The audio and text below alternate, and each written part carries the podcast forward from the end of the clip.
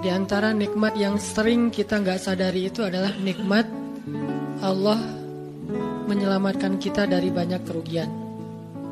Misalnya dihindarkan dari jatuh, berarti kan nggak ada lecetnya ya. Kalau lecet berarti jatuh. Kalau nggak lecet berarti nggak jadi ja, nggak jadi jatuh. Nah ini berarti kan tidak berwujud. Karena nggak berwujud, seringnya kita nggak sadar kalau itu nikmat dari Allah. Tapi kita harus belajar yakin itu sering terjadi dalam hidup kita.